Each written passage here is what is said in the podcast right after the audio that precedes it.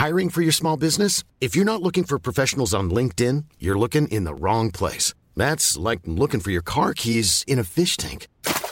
LinkedIn helps you hire professionals you can't find anywhere else, even those who aren't actively searching for a new job but might be open to the perfect role. In a given month, over 70% of LinkedIn users don't even visit other leading job sites. So start looking in the right place. With LinkedIn, you can hire professionals like a professional. Post your free job on linkedin.com slash people today.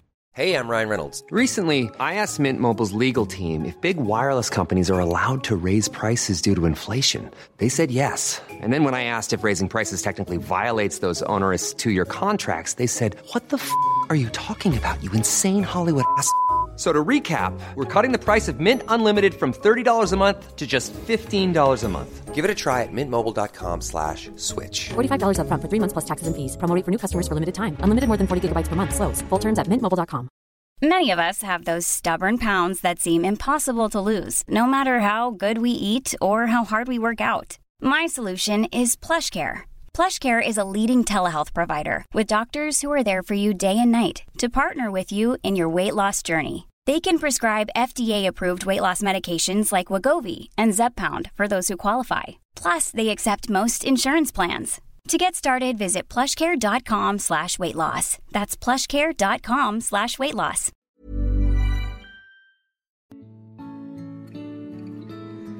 Välkomna tillbaka till ett nytt avsnitt i podden Utan dig med mig Emelie. Och mig Alexandra.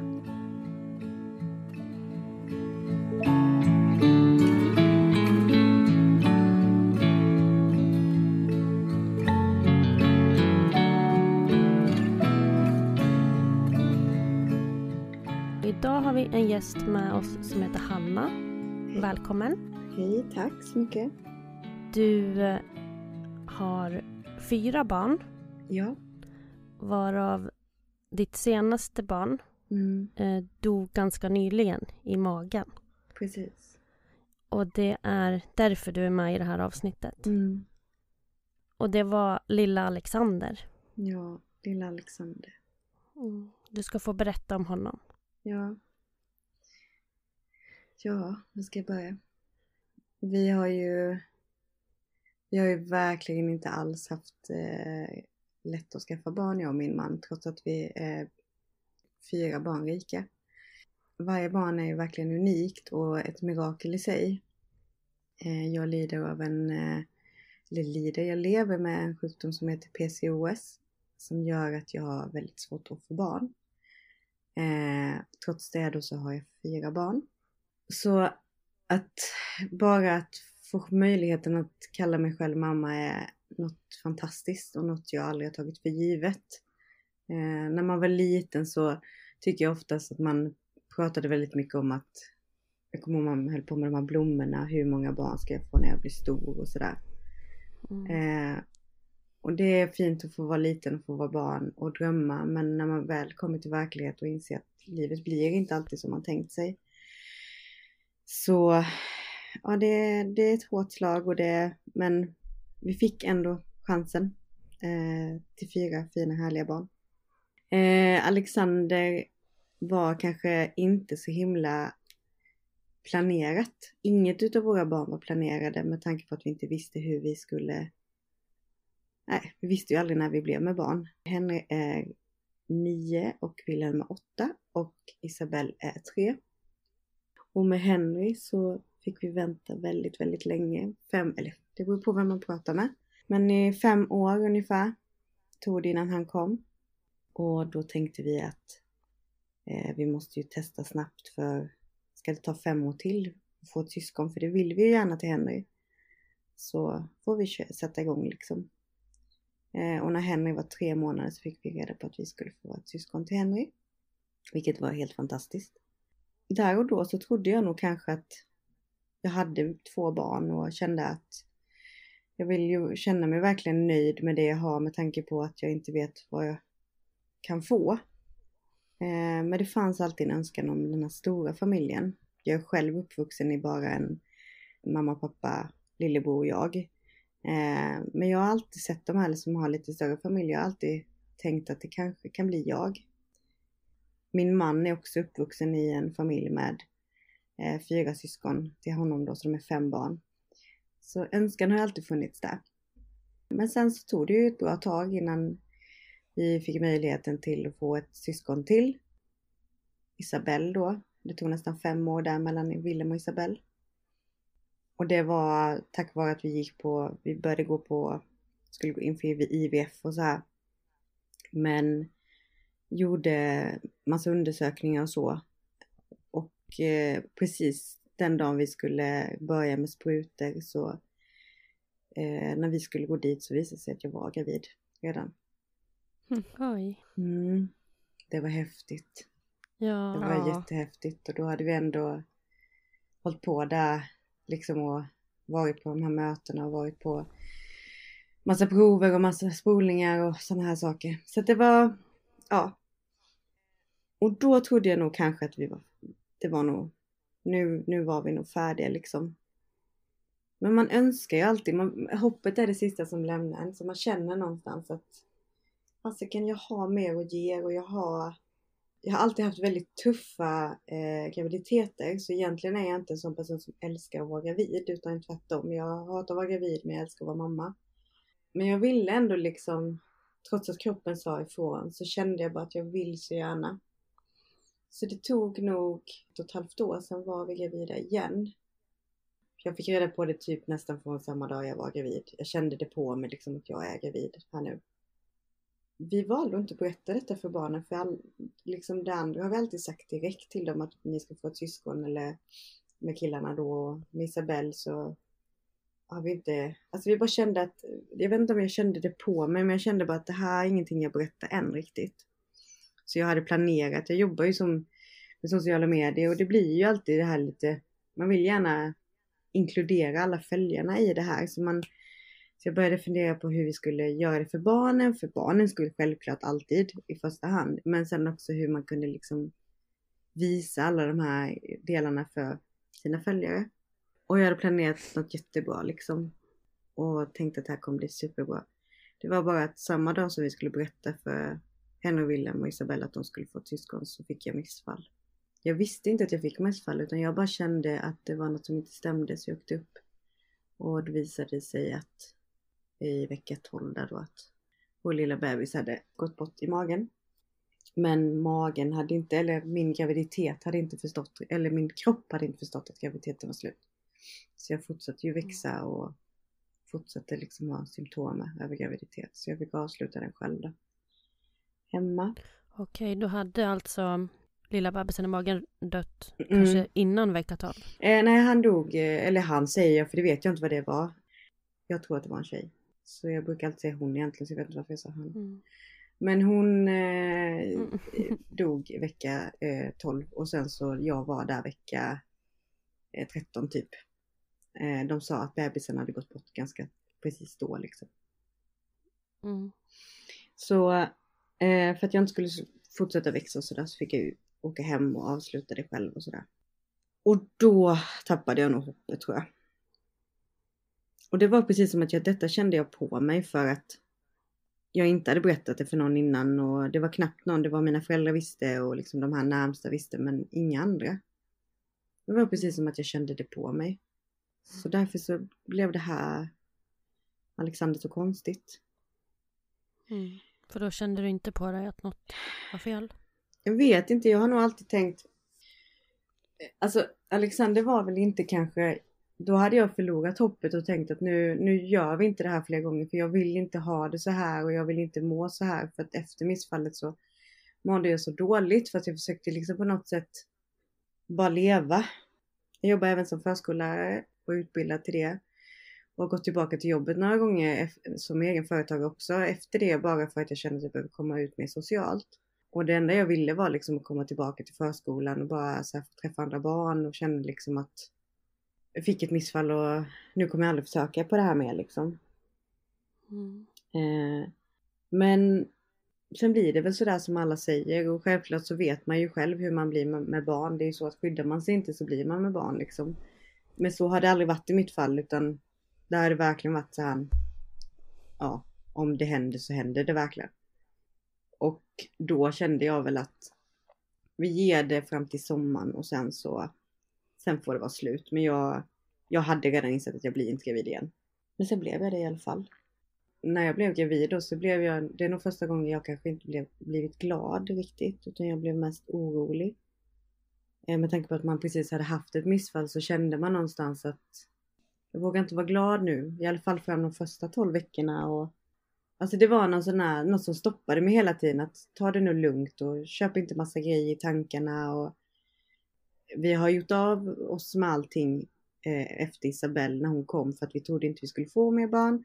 Och sen så köpte vi lite saker till den här bebisen som skulle komma då och så fick vi missfall och nu kände jag bara att stopp, nu gör jag inte något sånt. När jag var gravid innan, eller alla de andra graviditeterna så har jag, jag kräkt fram till ungefär vecka 16, 20.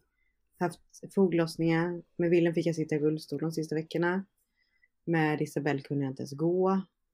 Henry, alltså det går inte ens att prata om. Alltså det har varit sådana fruktansvärda graviditeter. Och ändå så vill man göra det igen liksom för man vet vad man får för det. Ja. Vilket egentligen är sjukt men det är häftigt. Ja. Faktiskt. ja, att man utsätter sig för det liksom igen. Men Ja. det är klart att det är värt det liksom Ja, det är ju det. Jag vågade väl inte hoppas på det bästa liksom. För jag märkte hur jag själv, som inte hade berättat eh, missfallet för så många och jag inte ens för barnen att vi, vi var gravida förrän vi skulle berätta för dem att mamma har varit gravid men nu visar sig att bebisen dog på magen och sådär. Då blev det liksom som att det blev inte någonting som var sant för dem liksom. Jag vet inte riktigt hur jag ska förklara det men det blev på något sätt att vi har gömt det för dem så de kunde inte ta sig till och det, självklart kan man inte ta sig till att vi har varit gravida i, i 12 veckor och nu så är beb, alltså nu har jag fått missfall så, ja nu vet ni det typ. Nästan så blev det Mm. för, för många utav våra vänner. Så jag låste liksom in mig, den här sorgen i mig själv. Och det gjorde också att jag var väldigt ledsen och deprimerad och men jag ville ändå gå till jobbet och det gjorde att liksom jag sköt ifrån mig hela tiden och det gjorde också att barnen undrade varför är mamma så ledsen hela tiden? Eh, varför åker hon inte med oss som hon gjorde förr? Och det vill jag inte göra igen mot dem så därför så kände jag ändå, pratade både jag och min man om att nu, nu, nu gör vi något fint utav det här med Henry, Wilhelm och Isabelle och berättar för dem att de ska bli syskon. För en av de största önskningarna för vår äldsta son är att få, att få en stor familj och bli, få många, vara många barn liksom. Och han älskar små barn, Mm. Henry. Så vi valde att göra sådär klassiskt som kanske många gör, men vi valde att ge dem, eh, Wilhelm fick ett fotografi i en present och Henry fick en body och Isabelle fick en snuttefilt. Och så fick de öppna de här paketen och så filmade vi detta och varför jag filmar handlar egentligen inte om att jag vill filma för följande utan det handlar alltid om att jag vill dels vill jag filma det för min egen skull för att jag ska kunna få vara med i the moment fast på när man får se det själv sen. Eh, samtidigt som att barnen vill själva se de här filmerna om igen, om igen. De är uppvuxna med det här och filmas och fotas och de gillar det och, de, och det, de älskar det. Så det var självklart för oss att även man skulle visa detta utåt sett och få dela detta med följarna också. Så det blev väldigt fint och Henry blev så lycklig. Han, han grät liksom för att han förstod ju inte att detta äntligen var sant igen då. Och det är ju det som känns så sorgligt i allt det här för att Alltså när man har gått igenom en graviditet på nio månader som har varit helt fantastisk. Knappt kräkts, hade inte foglossning, ingenting. Det var liksom för bra för att vara sant kände jag lite sådär. Men vågade ni nu köpa grejer och så till bebisen? Nej, jag gjorde inte det och alltså när man jobbar som jag gör så får man väldigt mycket samarbetsförfrågningar och så här. Men jag kände nog någonstans att nej, det, jag vill inte och alltså jag kände liksom att jag vill inte be- behöver jag lämna tillbaka allting så nej, nej det vill jag inte alls. Så vi köpte typ en body och ett par byxor och det gjorde vi kanske i vecka 29 eller något sånt där. Eh, Bara för att då började man ju verkligen så här, "Nej, men det här, nu har ju vecka 12 gått och jag vet inte om man är... Jag har nämligen en, en av mina bästa vänner förlorat två barn. Vilket är fruktansvärt. Så därför så har jag ju alltid varit medveten om att detta kan hända. Men det är på något sätt som att man slår det ifrån sig att detta hände min vän men det händer ju inte mig. Så när vecka 29 hade gått så var det precis som att ja men nu händer ju inte det här. Och då började jag liksom lite mer så här släppa på det och beställde vagn och sen är jag också, detta var liksom min femte graviditet, jag har tre barn själv hemma så jag kände någonstans att ja, ja, men packa BB-väskan, det gör jag sen. Första graviditeten har jag nog packat BB-väskan i typ vecka sju tror jag. Nej, men liksom lite så här. Ja. Alltså man, man, det blir ju så när man har fler barn. Sängen, hans säng kom precis upp kanske, jag tror det var en vecka innan eller någonting. För då kände vi att nu gör vi det här och tänk om jag får åka in och så här. Eh, då måste det finnas en säng och, och så brukar vi alltid hejda oss med men det behövs inte en säng och det behövs inte en BB-väska. Allting löser sig när man liksom, det enda han behöver är, är min famn liksom. Mm. Visste ni att det var en liten pojke i magen? Ja, det visste vi. De första två har vi aldrig vetat vad de skulle bli. Och sen med Isabelle var jag alldeles för nyfiken. Så då fick jag bestämma och då visste vi att det blev en flicka. Mm. Eh, men denna gången ville jag att det skulle vara en överraskning men det ville inte vår mellersta son. Jag ska inte skylla på honom för jag var lika nyfiken som honom. Eh, men, men Wilhelm har alltid önskat sig en lillebror. Han grät ju då när vi han fick reda på att det var en lilla, en lilla syster förra gången. Han älskar sin lilla syster nu självklart. Ja. Men så ledsen han var. Eh, och det tog lång tid och det tog lång tid innan han begrep liksom. Han bara varför gör ni inte om och så här, och det fungerar inte så Wilhelm. Mm. Eh, så nu då så kände vi att då kanske den här chocken kan komma innan då det blir en lilla syster till så behöver det inte komma när, när hon kommer. Men då var det ju en lille, lillebror och nu skulle han ju äntligen få sin lillebror. Vilket han har fått. Mm. Absolut. Ja. Ja. Hade ni bestämt vad han skulle heta också? Nej men vi har ju namn, alla våra barn har ju namn efter, vilket inte har varit så från början. Men min, min äldsta son heter Henry från sin gamla eh, morfar hette Henry. Och Wilhelm heter Wilhelm för att då började vi tänka att ja men han ska ju heta, Henry är en gammal kung. Så det hette han Wilhelm för att han skulle heta som en gammal kung och sen hette en, en nära vän till oss det. Och sen så då Isabelle, då kunde vi liksom inte kringgå det här kung och drottningssystemet så då sa vi Isabelle är ju faktiskt en Någonstans i Spanien finns det någon sån eh, Mm. kunglighet. Så då skulle vi liksom, det var Ludvig, Alexander eller Filip.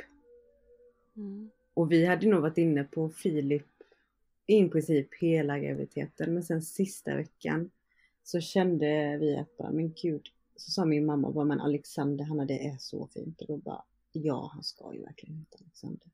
Och när han kom var han verkligen en Alexander. Det var han. Så, Fint. Ja. Mm. Ni fick veta att det var en, en lillebror i magen. Mm. Vilken, vilken vecka var det? Först så eh, fick vi veta på rutinultraljudet men då vågade hon liksom inte riktigt säga sådär om det var en pojke eller en flicka. Så hon sa att ja men jag tror det. Så då åkte vi privat och gjorde det, gjorde vi med Isabelle också. Och då sa hon direkt där att jo men det är en pojke. Så jag tror att det var någon gång vecka 27 eller 28 eller sånt där. Och sen har jag även med pojkarna, men det stämmer ju inte alltid, men med många stämmer det ju. Men po- pojkarna fick ju alltid en sån här rand på magen. Det fick jag inte med Isabelle. Och den randen började komma där vecka 31 eller 32 någonting tror jag. Så det var liksom så att jo men det är ju en pojke, det vet vi nu. Mm. Ja, det är galet. Jag har faktiskt också fått en bara med Nikolas. Mm. Mm. Men inte med någon av, alltså inte med tjejerna liksom. Nej. Det är galet. Jag har inte hört att det är någon annan som har haft det så. Jag har bara sett att de har haft så med pojkar, med ränderna. Men sen vet jag att det är, jag vet att jag följde någon för ett tag sedan som hade fått en flicka med, som också hade haft en rand. Men det är väldigt ovanligt, så tydligen är det väldigt vanligt med ränder på pojkar. Jaha.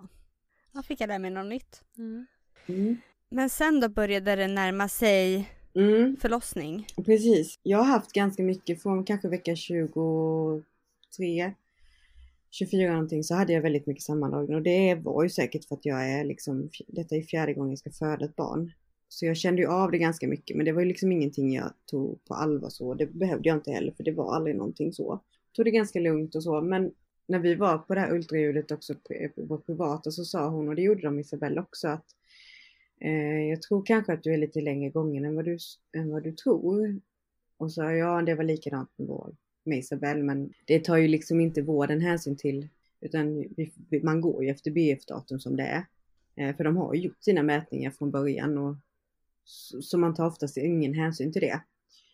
Eh, så indirekt så var jag liksom när det började närma sig så var det liksom vecka 35, 36 enligt barnmorska och allting. Men när vi hade varit privat då så var vi liksom inne på vecka 37 närmare 38.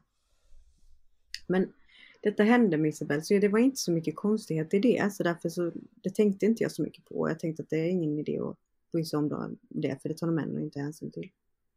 Sen i vecka 36 så började jag känna att Alltså jag började känna mig väldigt eh, tung och började känna att nu börjar det, börja, det verkligen börjar närma sig. Och jag har ju fött vaginalt alla mina tre gånger sedan tidigare. Så man lär sig en hel del under de här gångerna. Första gången var jag, då var man förstföderska och den förlossningen var hemsk. Eh, jag blev inte lyssnad på. De förstod inte mig alls överhuvudtaget. Andra förlossningen så tyckte jag att jag hade mer kött på benen och då hade jag fått gå på Aurora-samtal. Vilket gjorde att jag fick en jättefin förlossning med Willem. För där lyssnade de på mig och de hjälpte mig att sätta igång mig och så här. Och med Isabelle så fick jag också gå på Aurora-samtal men tyvärr blev det likadant som med första förlossningen. Att det var precis som att de inte läste mina journaler innan jag kom in. Men där blev jag igångsatt för att de trodde att jag inte hade något fostervatten. Eh, så det, var inte på grund av min önskan att bli igångsatt utan det var på grund av att jag hade inget fostervatten kvar så att hon, det var en risk för henne. Så hon föddes i vecka 37 också. Men då under den här vecka 36 så var jag hos min barnmorska på rutinkontroll och hon sa att allting kändes bra och då sa jag att min slempropp har gått ganska mycket under de senaste två veckorna och då sa hon ju då att nej men det är inget ovanligt sådär. Nej, sa jag och Eh, och hur vet du att det är slemproppen? Och då liksom, det är precis som att man blir lite dömförklarad redan från början. Men jag sa att nej men det vet jag ju med tanke på att jag har haft fött tre andra barn liksom. Och jag vet hur det ser mm. ut när slemproppen kommer. Och så här. Men det är inget blod i den så länge, så länge så det är nog lugnt, sa jag. Och sen så sa jag att jag tänkte bara om du kanske kunde göra någon gynundersökning på mig för jag känner att det känns som jag är lite öppen eller det, det gör ont hela tiden och jag, det känns precis som att det är igång nu. Eh, hon bara, nej men jag gör tyvärr inte det nu. Men skulle det vara så så, hon ringde upp till och med till eh, förlossningen och, och kollade liksom och då sa de att nej men blir det värre så eh, och att allting är igång så stoppar ju inte vi henne nu utan då gör ju vi kontroller på henne och så. Så att då är det bara att komma upp. Och då har jag ju varit på Aurora-samtal inför detta två stycken. Det jag har sagt har varit liksom att jag behöver bli lyssnad på när jag kommer upp. Jag behöver få hjälp i tidig fas för att jag har haft problem med alla mina latensfaser.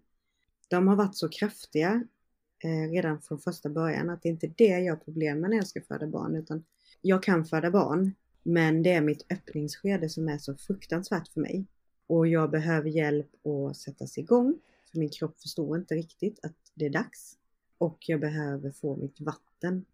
Det har jag inte heller fått att gå själv. Inte någon av de tre gångerna. Utan det har de fått spricka hål på. Mm. Och det gjorde jag väldigt tydligt för Aurora-samtalet. Det kändes precis som vi verkligen fann varandra där när vi pratade de här gångerna. Och jag hade precis gått in i en depression då för att det blev väldigt mycket på mitt jobb, det var mycket med Corona och sen började hela det här, jag tror att oron kom i slutet efter, liksom med missfallet och allting.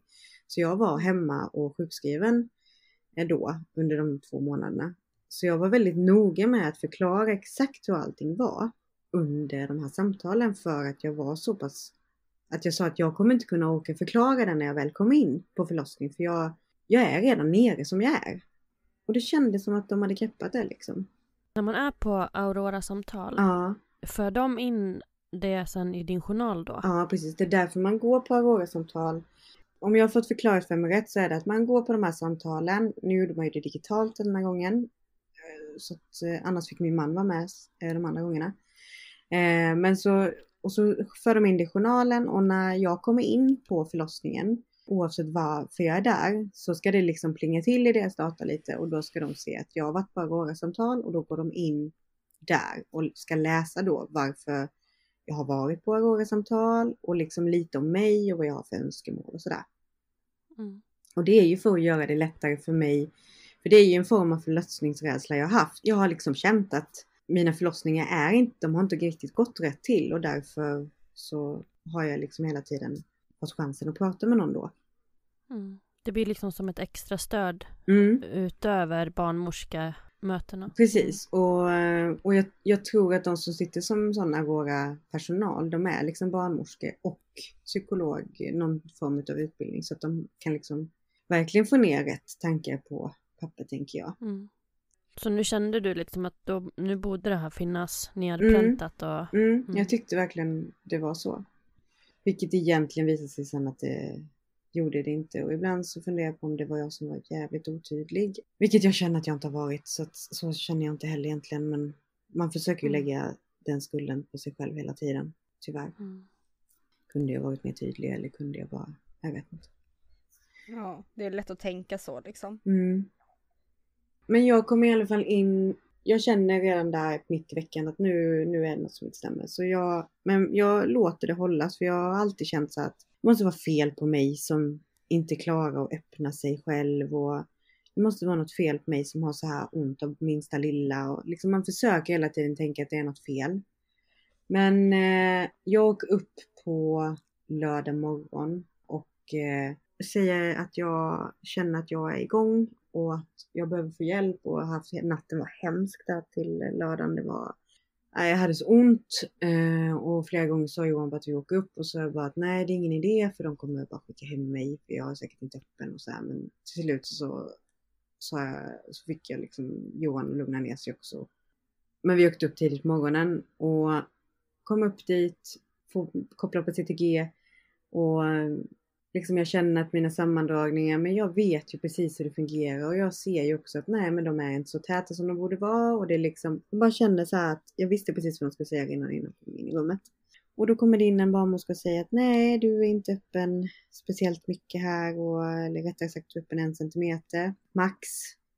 Och ja, det ser bra ut med hjärtljud och allting och du verkar må bra nu så Ja, men sen ser jag också att du har varit på Aurora-samtal och jag bara ja. Och så försökte jag förklara för henne för då sa hon så här, vad står det i papperna där? Vad har du för önskemål där? Och redan då kände jag så här att det är någonting ni ska ha läst. Det ska ni veta om. Det Mm. ska vi inte behöva dra här igen. Så jag drar hela min historia om att ja, jag har inte klarat av en öppningsfas. Mina barn är födda vecka 38, vecka 37 och vecka 42. Men jag var likadan med Wilhelm här, att jag kom in många veckor innan och så här. Eh, och ni vill inte hjälpa mig då heller. Så jag, vill, jag, jag vill ha hjälp liksom. Och hon bara, nu är det så här att du är i vecka 36 plus 6. Så du kommer föda i prematur och då sätter inte vi igång någon. Och då sa jag, började jag ju liksom säga, nej jag var ju på ett privat. Eh, hon bara, det tar ju inte vi hänsyn till för vi har ju ändå liksom dina mätningar och så här. här. Jag bara, nej jag vet att ni inte gör det, men okej. Men så jag bara, som jag kommer in imorgon då?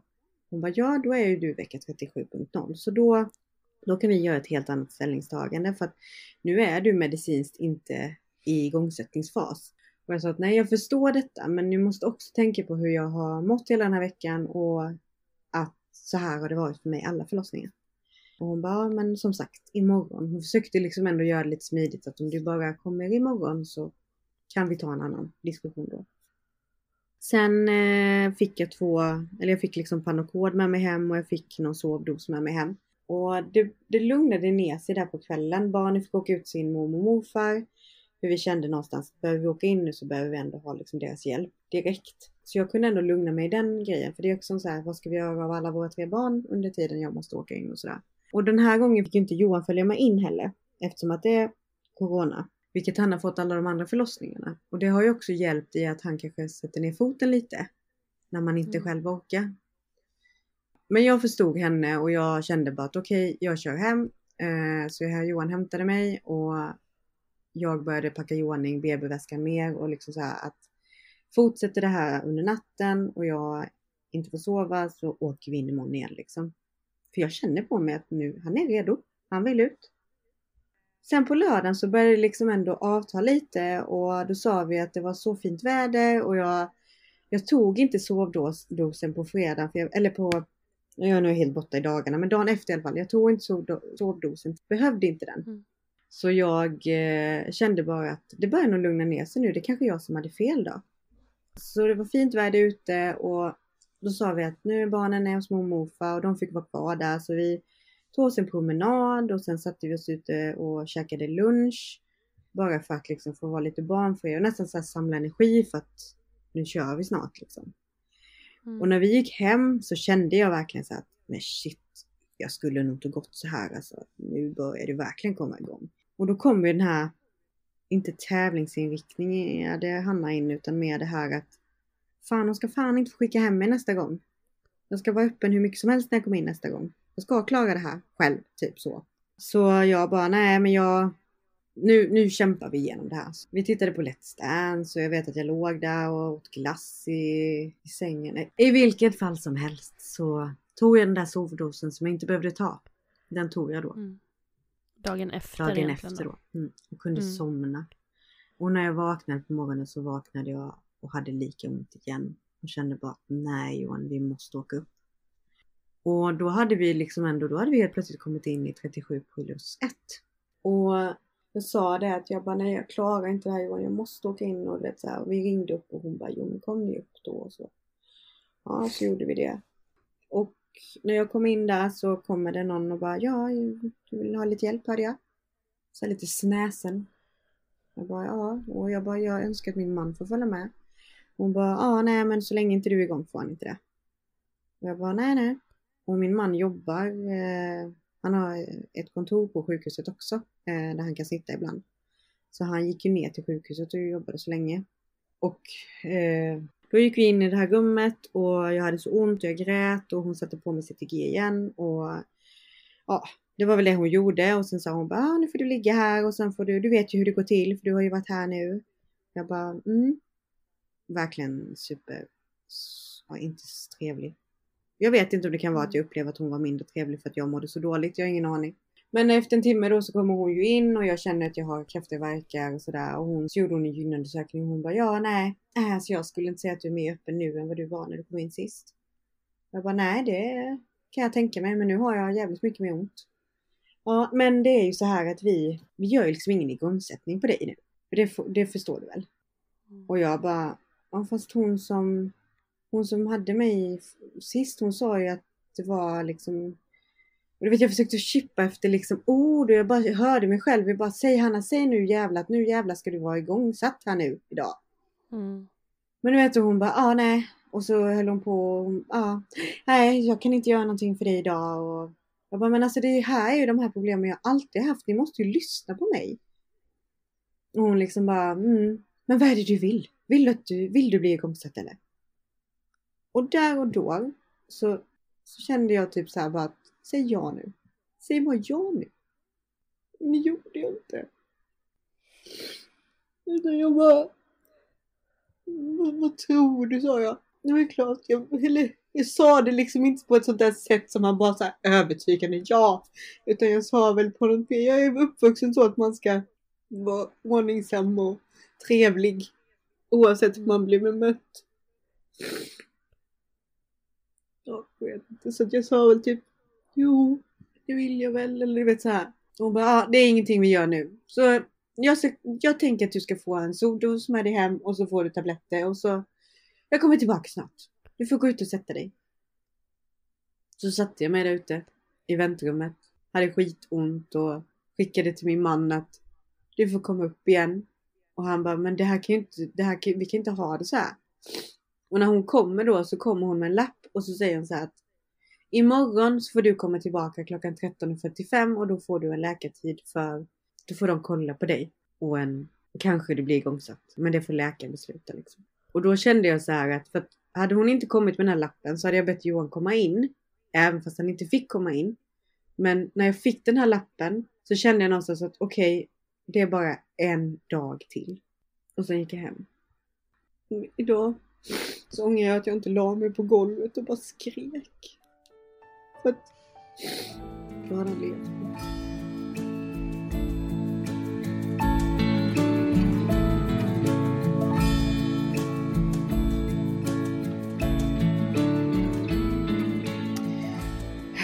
Vi kommer hem.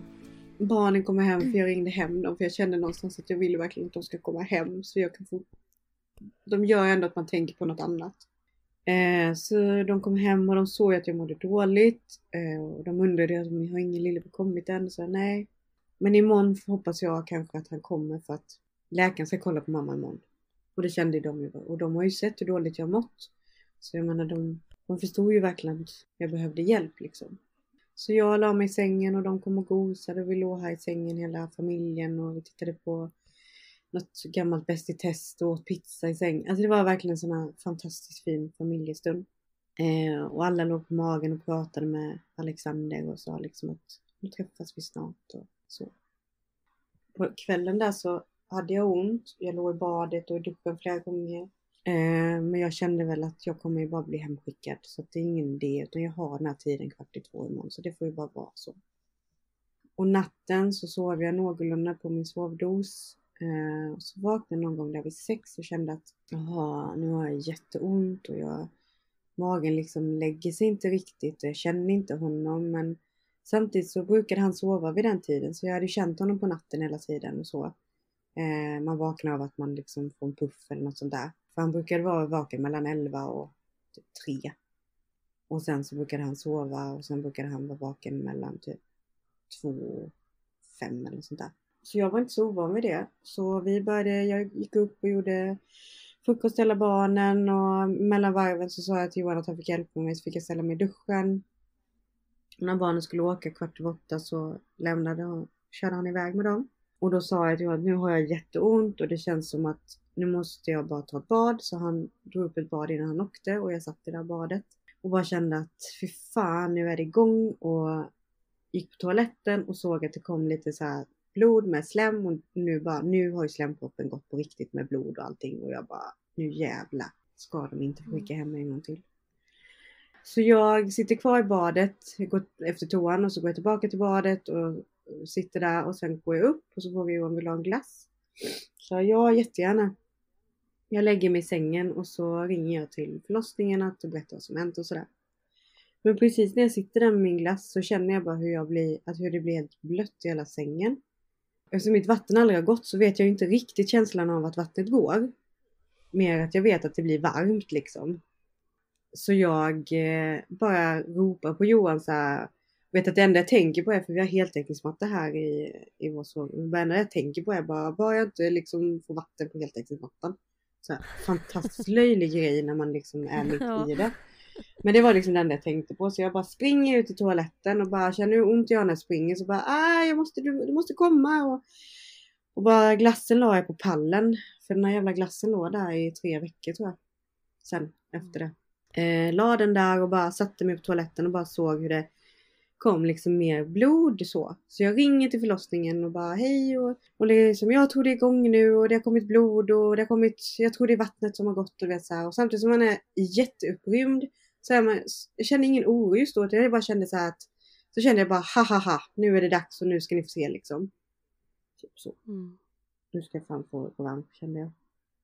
Hon så här helt lugnt bara men det är ingen fara, det är sånt som ska vara. Hon bara, har du känt några fosterrörelser nu på morgonen? Och jag bara, nej man brukar sova nu men man brukar inte tänka på det för att många gånger så är det också så här att de säger hela tiden i slutet att de rör sig inte lika mycket för det finns inte så mycket plats kvar. Mm. Så då tänker man liksom inte på samma grejer.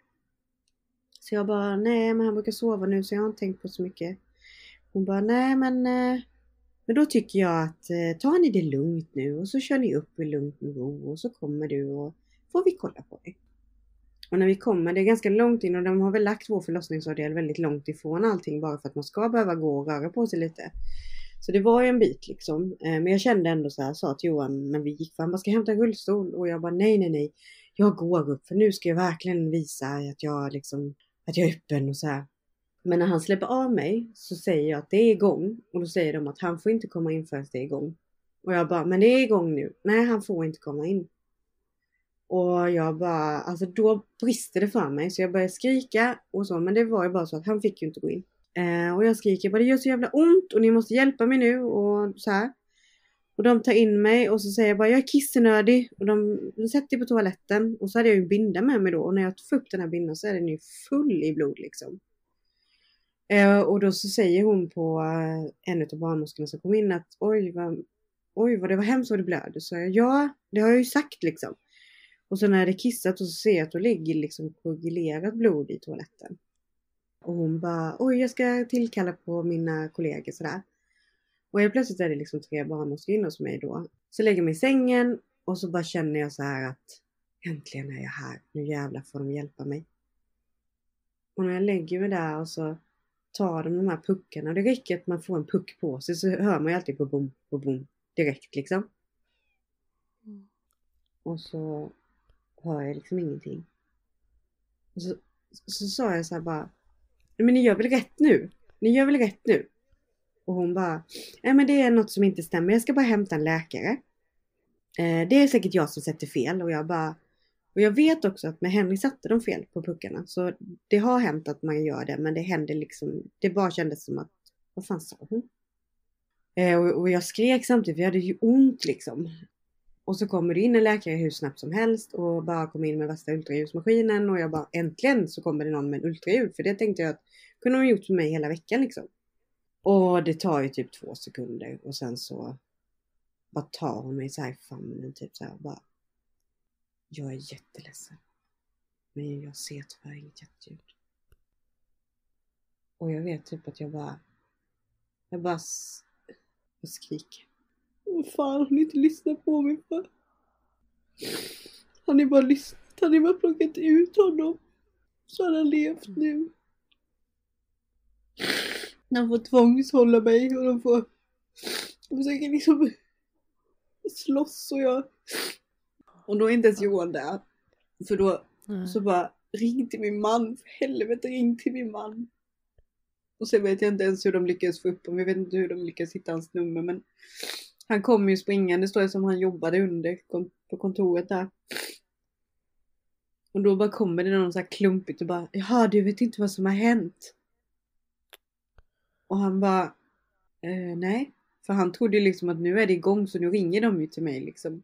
Och säger att nu är det äntligen igång, nu får hon äntligen stanna. Och lika han så blir han ju helt förstörd. Men han blir, alltså, Johan är från Dalarna. Han är en väldigt lugn man. Så när han blir arg så blir han verkligen arg. Och han blir verkligen så jävla arg. Och det är så sällan jag ser han arg. Så därför så blir det så tydligt för mig hur arg han blev. Han bara skrek liksom att vad i helvete har ni inte gjort någonting innan? Liksom det här är ert fel och jag vet att det inte var deras fel som stod i rummet och det Men det var liksom bara att det här var så, det här behövde inte hända. Nej, för hade de lyssnat på er från första början så hade det varit en helt annan situation. Mm. Alltså anledningen till varför Alexander dog, det har ju inte riktigt, de, vi har ju inte varit på något, vi ska gå dit nästa vecka på ett sånt här återbesök. Men det de hade redan från början var ju att min livmoder, eller min eh, moderkaka har lossnat. Och det är de ganska säkra på att så var det. Och det är ju oundvikligt. Det är ju någonting som bara händer och det är ju ingenting de kan gå för, det är ingenting jag kan gå för. Det är ingenting de kan se i förtid säger de. Eh, och så är det ju säkerligen. Men hade de lyssnat och gjort den här proceduren så hade ju inte detta hänt. För då hade jag ju redan varit igångsatt och redan haft min Alexander i famnen på mig. Ja, precis. För, hände det troligtvis då den natten? Nej, Tisdagen? alltså Nej. de tror att detta troligtvis hände ganska så mycket samtidigt som kanske på morgonen där. Någon gång. Samma dag Mm. alltså? När du hade så ont. Ja, när jag hade så ont. Det ångrar jag också så här. Jaha, tänk om jag hade åkt in redan klockan sex när jag började känna så här.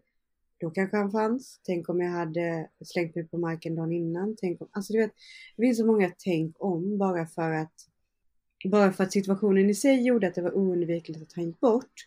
Så är det precis Mm. som att det fanns så många andra situationer där jag kunde ha räddat det.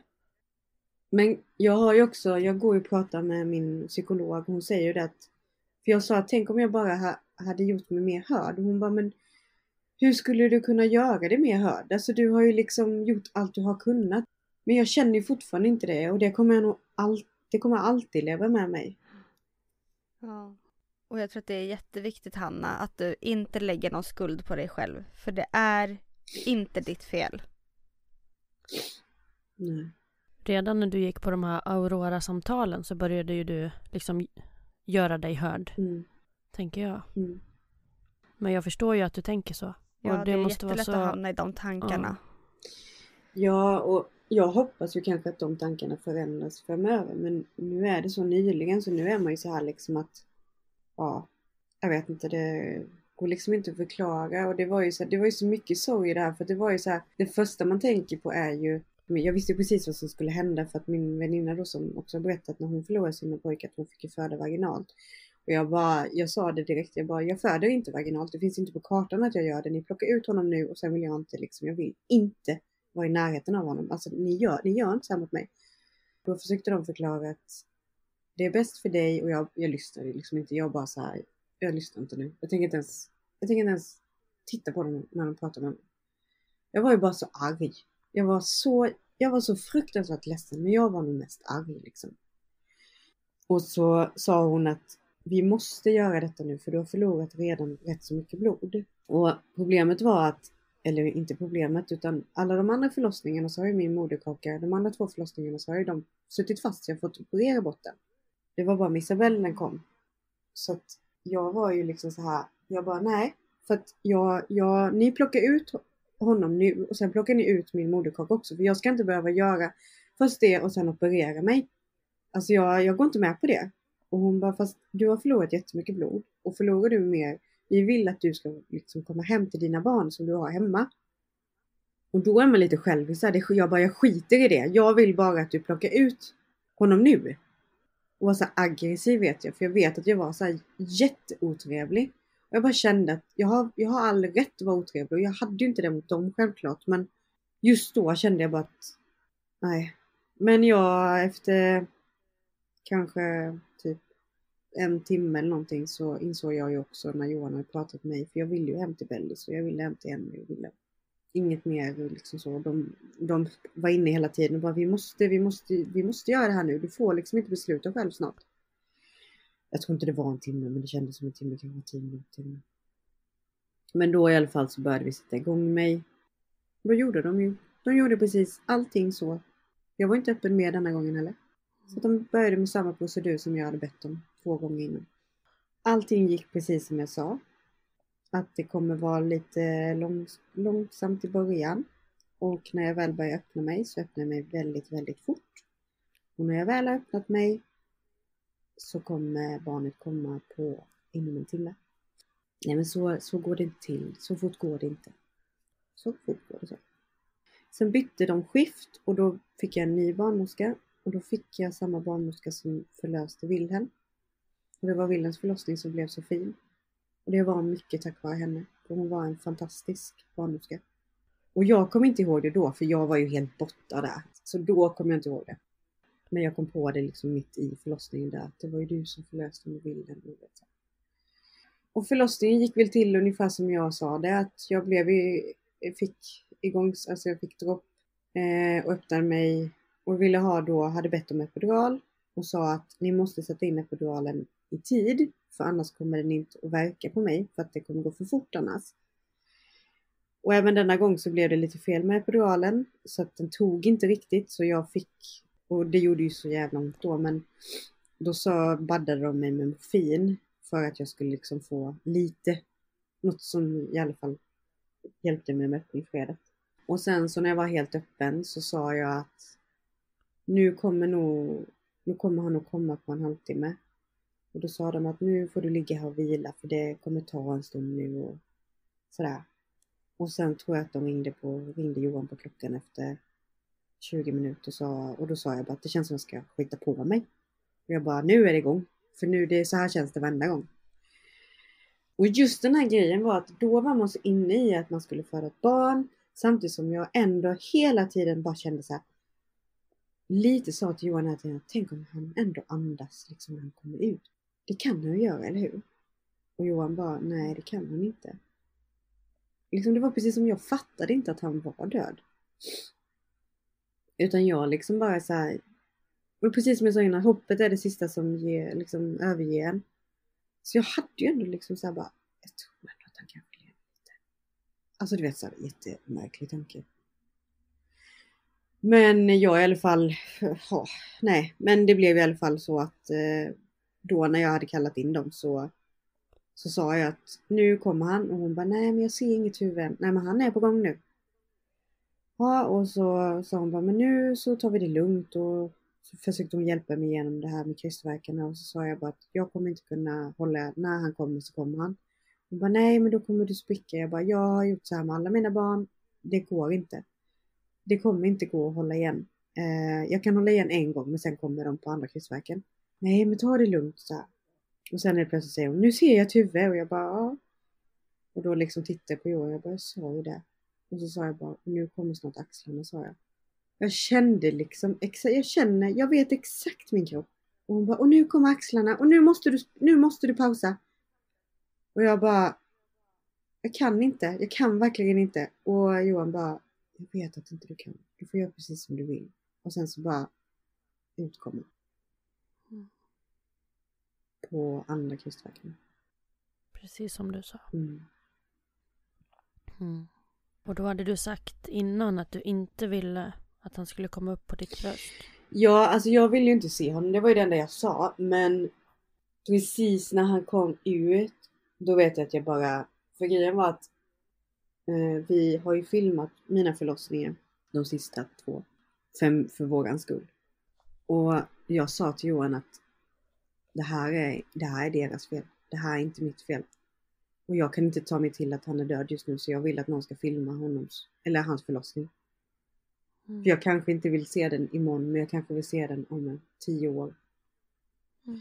Så jag, det var ju en sköterska där som stod och filmade. Jag bara skrek åt henne. Filma nu! Alltså du vet, det var så sjukt, det var så absurt och jag sa förlåt hela tiden till alla runt omkring mig samtidigt som jag skrek. Och glöm inte filma och filma honom och så för jag kände ändå att om jag inte plockar upp honom på bröstet nu då måste jag få en chans att se honom sen liksom.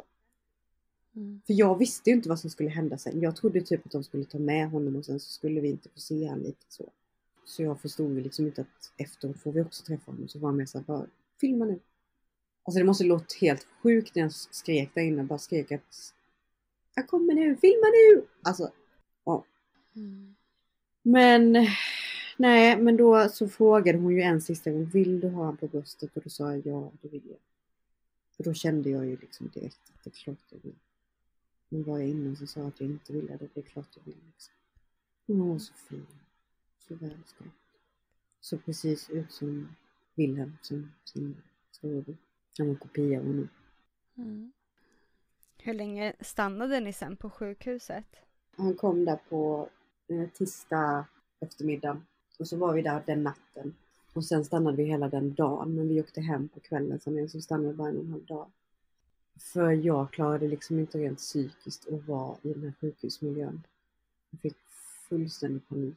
Jag har aldrig haft problem med sjukhusmiljö innan. Men det var liksom som att jag klarade inte det. Inte ens för hans skull. På kvällen där så fick vi ju liksom hans då den här kylvagnen som man kan säga. Som han ligger i. Som är jättefin. Den är så att typ, såg typ ut som min första barnvagn med sån här Emma Ljunga vit i skinn typ. Eh, och så la jag honom där och det var ju så här kylklamp och sånt. Men jag ville ju hela tiden att han skulle vara nära mig så att han låg i sängen på natten och sov med mig. Men så fick jag ju också lite panik över att jag tänkte att han behöver ju liksom hållas lite kall. Så när de kom in så bytte de ju sina kylklampor så sa jag att gör det någonting om han ligger i min säng i natt? Blir han liksom förstörd då? Då sa de att det gör ingenting så då fick han ligga liksom hela, hela tiden. På natten gick jag och sjöng för honom. Mm. Det var precis som att han var där. Jag har ju sett eh, foton på andra bebisar, på min väninnas bebis då som har fött sina barn. De har ju varit lite mörka och lila redan från början. Men han var ju inte det. Han hade ju inte ens några lila läppar liksom i början. Utan han var så fruktansvärt vacker bara. Det hade han varit även fast han var lila och kommit ut. Så det är inte så jag menar men Det, Det var- lite läskigt liksom. Ja det var liksom lite läskigt. Mm. Det enda jag ville göra var typ att bara blåsa på honom och typ att tänka att nu vaknar han liksom. Mm. Så jag klädde, bytte blöja på honom för hon sa så här att det kan vara att det kommer rester efter eh, bajs och sånt på honom. Så jag ville inte att han skulle vara bajsblöja på sig liksom. Och det var också samtidigt en absurd känsla att byta bajsblöja på honom och det var bajs där liksom. Mm. Så var det ändå som att han lite levde just då. Och sen så jag var upp, jag kunde inte sova på hela natten. Jag ville inte sova. Jag ville ha så mycket tid som möjligt med honom. Så jag gick där och det var det enda de sa hela tiden var ta mycket kort, ta mycket kort hela tiden. Så jag tog ju hur mycket kort som helst och vi hade systemkameror med oss och tog massa kort liksom. Varenda kort ser nästan likadant ut men det spelar liksom ingen roll hur många foton på honom. Och sen då så gjorde vi oss redo på morgonen där för att syskonen skulle få träffa honom. Hur var det att berätta för dem? Nej, alltså jag var faktiskt inte med. Jag ringde till mina föräldrar för att de var ju med mina föräldrar men de var ju också, de har ju skolplikt. Så pojkarna var i skolan och Isabella var på förskolan innan de kom ner till, eh, till Halmstad då. Eh, så att de hämtade upp alla på skolan och på förskolan. Och Henry hade nog redan anat då att det var någonting som hände. För att han, han sa det till mig sen att jag märkte att det var något som hände för att mormor och morfar var inte sådär glada som de brukar vara. Och då hade jag ju bett mina föräldrar att säga det men sen så kände vi, både jag och Johan, att nej, någon av oss måste vara där. Så Johan åkte hem. Så när de gick in och pratade med dem så var Johan med och de hade blivit helt krossade. Det är ju någonting med någon som Isabelle, hon är tre. En väldigt medveten treåring. Men alltså att säga det till en nioåring och till en åttaåring att deras lillebror har gått bort. Det, ja, det kan inte vara lätt. Nej, och som, för er som föräldrar måste det också bli som en, eller det blir ju som en slags dubbelsorg. För ni, eran mm. sorg och mm, för era andra barn. Alltså det blir det ju för att man, jag brukar säga, jag brukar säga, alltså när jag ringde till mina föräldrar och berättade att, för jag sa ju bara, du vet, då gick man, då, jag tror att jag var chockad eller någonting, men det var liksom bara, han lever inte. Och pappa bara, vad är det du säger? Jag bara, ni måste åka ner till Halmstad nu och ni måste hämta barnen och ni måste, och han slutar då och hon slutar då. Och ni måste bara, och du vet, så här, du vet jag bara raddade upp all information för dem och jag liksom frågade inte ens, för vi, vi är så nära min familj, alltså alla familjer är väldigt nära men vi har förlorat och varit med om så mycket under de här åren. Så vi umgås med min familj väldigt, väldigt mycket. Så för dem blir ju detta både en sorg men sen också för dem det här liksom, mitt barn har precis förlorat ett barn. Mm. Så där bara lägger jag all information på dem och bara nu gör ni så och så och så, hej då. Och jag vet att jag sa till Johan bara, men gud vad sa jag? Men herregud så här kan jag ju inte. Och du vet så här, och pappa ringde upp Johan direkt och bara vad är det som har hänt och sådär. Och, och likadant som de känner i det här att, för jag, jag har hela tiden förstått hur de kanske kan känna sig att mitt barn har förlorat ett barn. Likadant är det ju som jag får sätta mig in i hur mina barn har förlorat sitt syskon. Mm. Och det är på gott och ont att ha barn i en sån här en sån här sak som händer. För att någonstans så förstår jag min väninna Sandra i att tänk vad fint jag har, jag och Johan har det, att vi har tre barn som gör vår vardag så mycket enklare. Vi måste liksom se till att de kommer till skolan, de måste göra sina läxor. Alltså alla de här delarna, men samtidigt också så är det fruktansvärt jobbigt att de behöver gå till skolan. För jag, det enda jag ville göra de här första två veckorna var att låsa in oss i sin lilla bubbla. Men redan typ mm två dagar efter som detta hände så ville Henry och William gå tillbaka till skolan. För att de ville berätta för sina vänner vad som hade hänt. Ja, ja. det är väldigt dubbelt. Alltså mm. man, det är skönt ja. och jobbigt. Ja. Att man behöver och att man måste. Mm. Mm. mm. Så det är ju lite, och sen är det ju det här också att att se sina barn sörja på det viset som jag ser dem sörja nu och hur, hur denna sorgen har gjort med deras personligheter. Och med, det är ju en chock för dem. De förändras väldigt mycket det gör ju också att på något sätt så måste vi vuxna, vi som också nu bara vill känna oss att vi vill lägga oss typ, och låsa in oss och typ inte göra någonting. Vi måste göra det och innan jag hinner, känns, det känns precis som att innan jag hinner ta hand om mig själv så måste jag först se till så att mina barn mår bra. Det är mycket enklare med Isabelle som är tre år som fortfarande, hon förstår vad som händer. Senast igår så helt plötsligt så kom hon ner till oss och så sa hon bara jag saknar Alexander. Och så ja, det gör vi också. Och sen så typ hoppade hon upp i sängen så hon bara bajskorv. Mm. Men liksom bara ja. Och då, alltså det, den sorgen är lättare att ta på för att då kan vi förklara för henne men sen eh, leker hon igen och så är hon som ingen annan. Medan för henne och Wilhelm, framförallt för vår äldsta son, som är så himla stor och som blev storebror så tidigt så han är verkligen så stor. När han kommer ner och är ledsen så går det liksom inte bortförklara det med något roligt skämt. Utan, mm. Och då kan man inte heller hålla tillbaka sina tårar själv och det gör också så här, men du ska inte vara ledsen mamma. Men mamma är ledsen för att jag också saknar Alexander. Jag är ledsen för din skull. Alltså det blir så här, ja. konstigt. Så det, det är enklare om de hade varit lite mindre också. Hade jag känt. Samtidigt som att killarna klarar sig väldigt mycket Mm. själva så vi får väldigt mycket tid på att tänka själva också. Mm. Och det här var inte länge sedan det hände heller utan det var i slutet på mars. Ja, precis. 23 mars. Så det är egentligen, det har gått ungefär ja, knappt två månader. Mm. Ja, det är väldigt nytt. Mm. Min man har sörjt ganska mycket och varit ledsen och så här. Men jag har nog levt i någon form av bubbla fram tills idag tror jag. För idag har jag verkligen bara suttit och gråtit och gråtit och varit ledsen och känt att jag har, hur ska jag klara det här liksom? Jag tror att idag är första dagen som jag verkligen kände att jag har förlorat allting. Är det någon som har, något speciellt som har hänt för att du har fattat det tror du? Jag tror nog att jag, jag tror bara att kroppen, att min kropp bara är helt slut. Mm.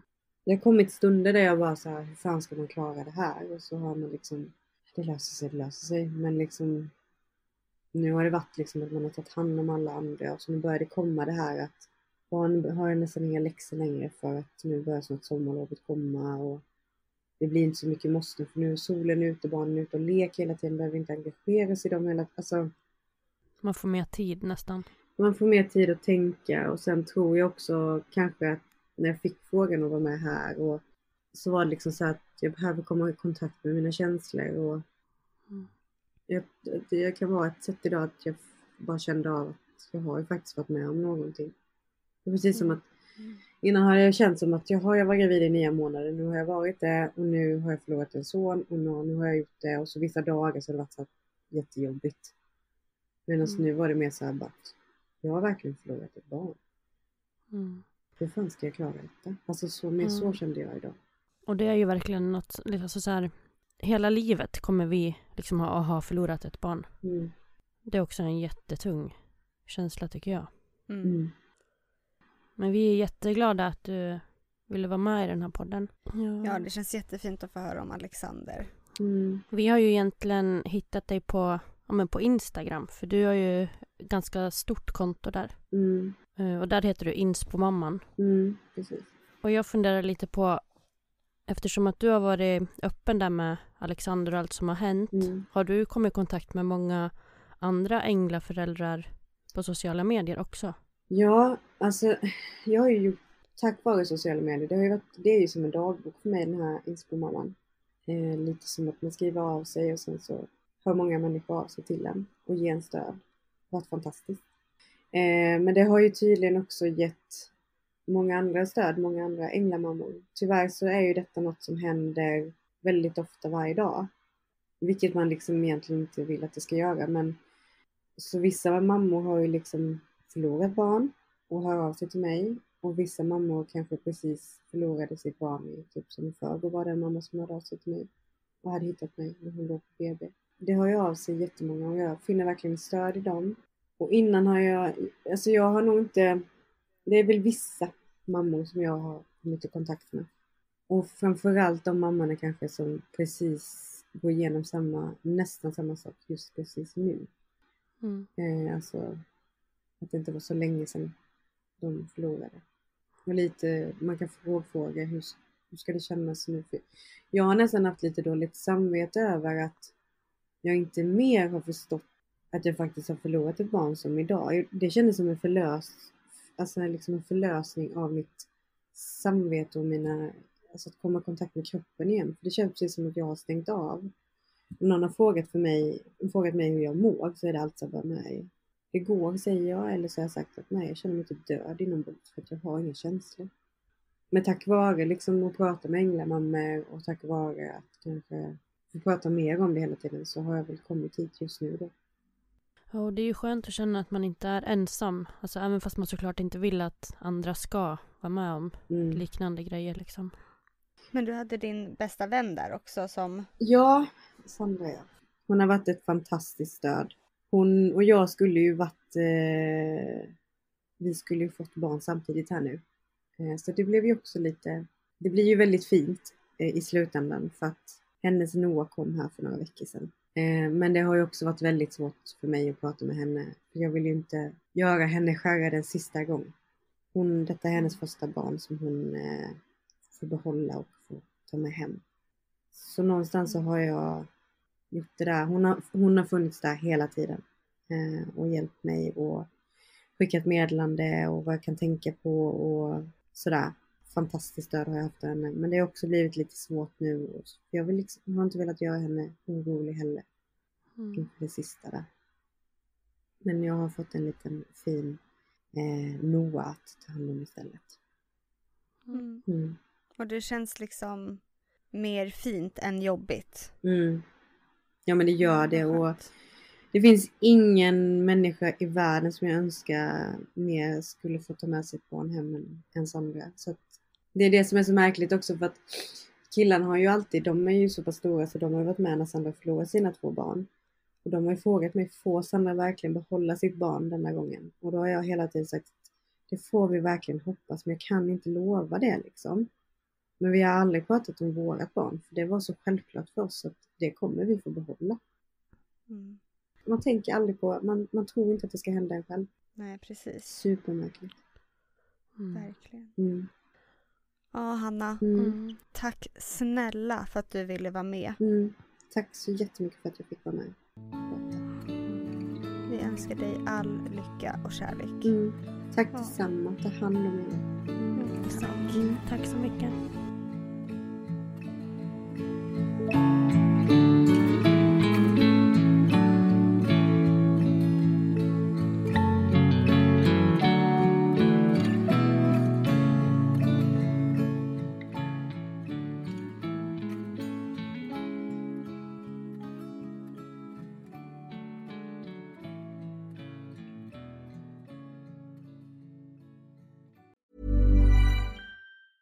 Planning for your next trip? Elevate your travel style with Quince. Quince has all the jet setting essentials you'll want for your next getaway, like European linen, premium luggage options, buttery soft Italian leather bags, and so much more. And is all priced at 50 to 80% less than similar brands. Plus, Quince only works with factories that use safe and ethical manufacturing practices. Pack your bags with high-quality essentials you'll be wearing for vacations to come with Quince. Go to quince.com/pack for free shipping and 365-day returns. Mom deserves the best, and there's no better place to shop for Mother's Day than Whole Foods Market. They're your destination for unbeatable savings, from premium gifts to show-stopping flowers and irresistible desserts. Start by saving 33% with Prime on all body care and candles. Then get a 15-stem bunch of tulips for just $9.99 each with Prime. Round out Mom's menu with festive rosé, irresistible berry chantilly cake, and more special treats. Come celebrate Mother's Day at Whole Foods Market. Imagine the softest sheets you've ever felt. Now imagine them getting even softer over time. That's what you'll feel with Bowl and Branch's organic cotton sheets. In a recent customer survey, 96% replied that Bowl and Branch sheets get softer with every wash. Start getting your best night's sleep in these sheets that get softer and softer for years to come. Try their sheets with a 30-night guarantee. Plus, get 15% off your first order at bowlandbranch.com. Code BUTTERY. Exclusions apply. See site for details.